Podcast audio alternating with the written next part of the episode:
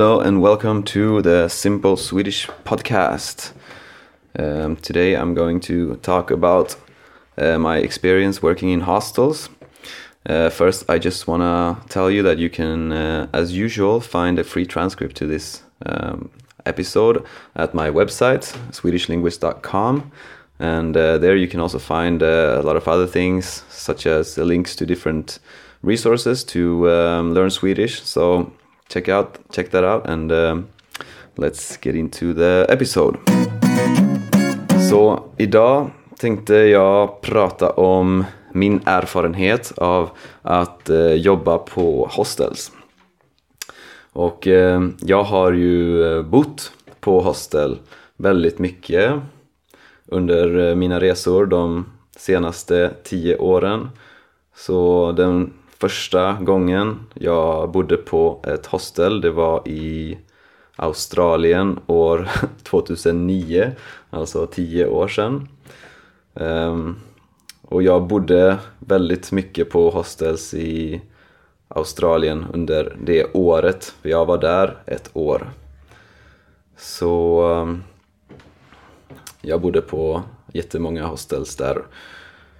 Eh, och jag gillar hostels mycket. Det har, det har ehm, ofta varit mitt första val eh, på resor med, när det gäller boende.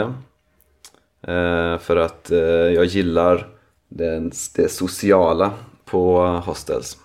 Det är väldigt, en väldigt dynamisk och social miljö och det är också ofta billigt. Och jag personligen, jag bryr mig inte så mycket om att det är andra människor som sover i samma rum. Eh, det, det gör inte så mycket. Eh, I alla fall inte under en eh, kort tid.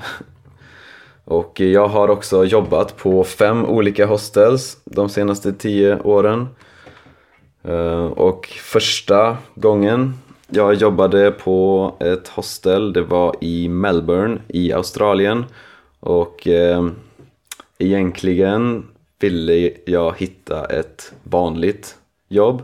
Men jag hittade inte det och eh, jag hade dålig ekonomi. Så jag jobbade på hostelet, eh, alltså volontär jobbade på hostelet och fick eh, gratis boende. Så jag kanske jobbade tre dagar i veckan med att städa. Eh, det var inte så kul men eh, jag hade inte råd att eh, spendera mycket pengar så, så jag var tvungen. Ehm, och sen i Perth i Australien så var det samma sak. Jag hade dålig ekonomi och eh, jag bodde på ett billigt, ganska dåligt hostel och jag jobbade där ett tag mot eh, gratis boende. Så ingen lön utan eh, bara gratis boende.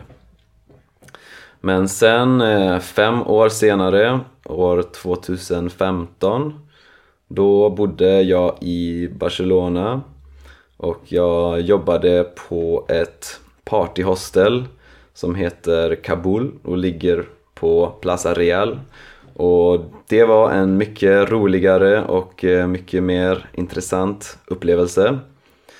Um, och det var inte volontärarbete utan det var vanligt betalt arbete Ehm, jag hade faktiskt en ganska bra lön. Jag hade alltså bra i den branschen. Jag tror jag tjänade 1200 euro i månaden. Och jag bodde i en vanlig lägenhet, med, så jag bodde inte på hostelet. Ehm, och jag jobbade då i baren. Och det var, det var väldigt kul eftersom jag träffade väldigt mycket människor, eh, folk som, alltså turister och backpackers och jag tycker att det är, det är väldigt kul att eh, träffa folk från olika länder. Ehm, så det var en väldigt bra erfarenhet och jag övade, fick, jag, jag fick öva mycket på min sociala förmåga och också stresshantering för att det var ibland väldigt stressigt. Så ibland var det nästan ingen där och ibland var det helt fullt med folk och alla ville eh, beställa en eh, drink på samma gång. Eh, och det var lite... Det var, alltså, jag, of, jag jobbade ofta själv i baren. Jag hade en kollega och ibland jobbade vi båda två där men ibland så var det bara jag eller bara han. Så. Och det var en väldigt, det var en väldigt kul eh, upplevelse. Eh, sen eh, året efter så var jag, gjorde jag ett volontärarbete igen i Lissabon. Och det här var inte för att jag hade dålig ekonomi utan det var för att eh, jag och en kompis eh, vi hade tid över och eh, vi bestämde oss för att åka till Lissabon och jobba som volontärer på ett hostel i en månad. Och det är faktiskt en väldigt bra grej att göra, en bra Eh, erfarenhet och en kul upplevelse. Att ehm, jobba som volontär på ett eh, hostel under en tid. Om man har lite tid över och man vill eh, liksom stanna lite längre i samma stad.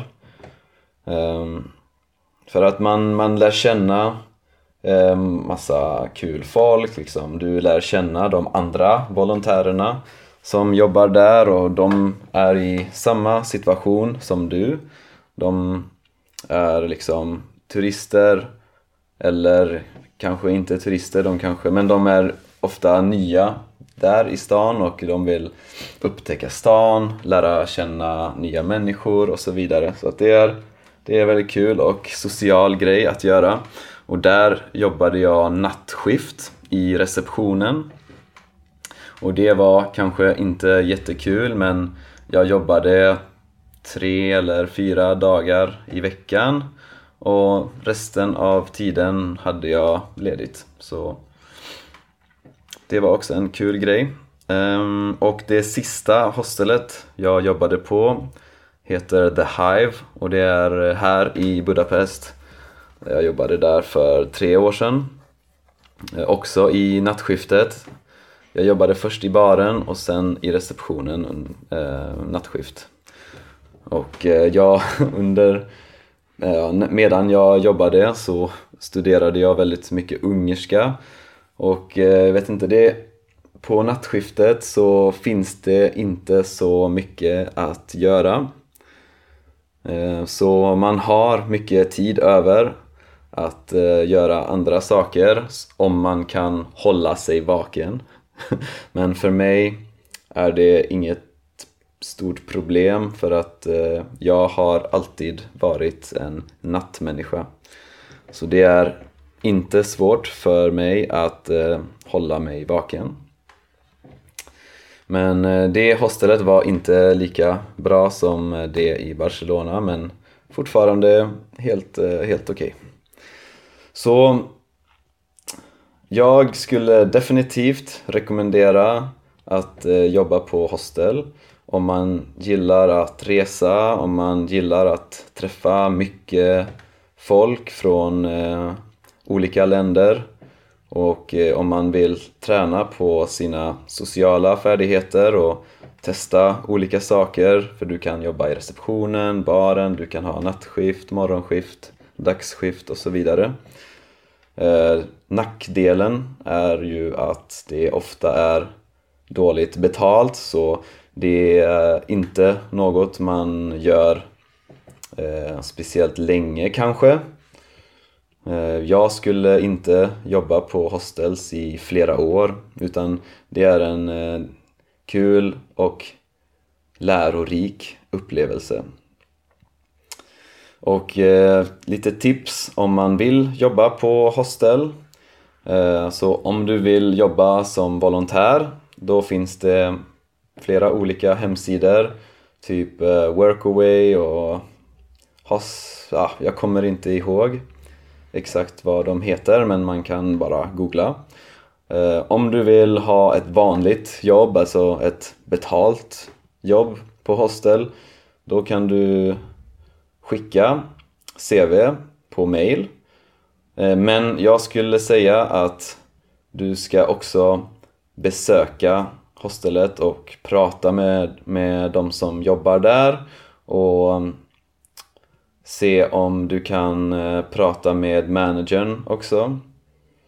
Och eh, ja, var där och presentera dig och det viktiga är att de gillar dig eftersom jobbet inte är så svårt.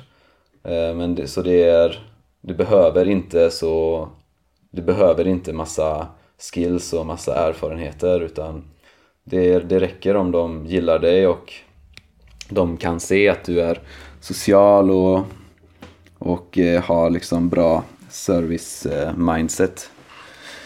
Eh, det är ju liksom, det är bra om du har jobbat inom service förut och om du kan eh, olika språk. Men oftast så, så räcker det med engelska och att du har rätt inställning liksom och har bra social förmåga.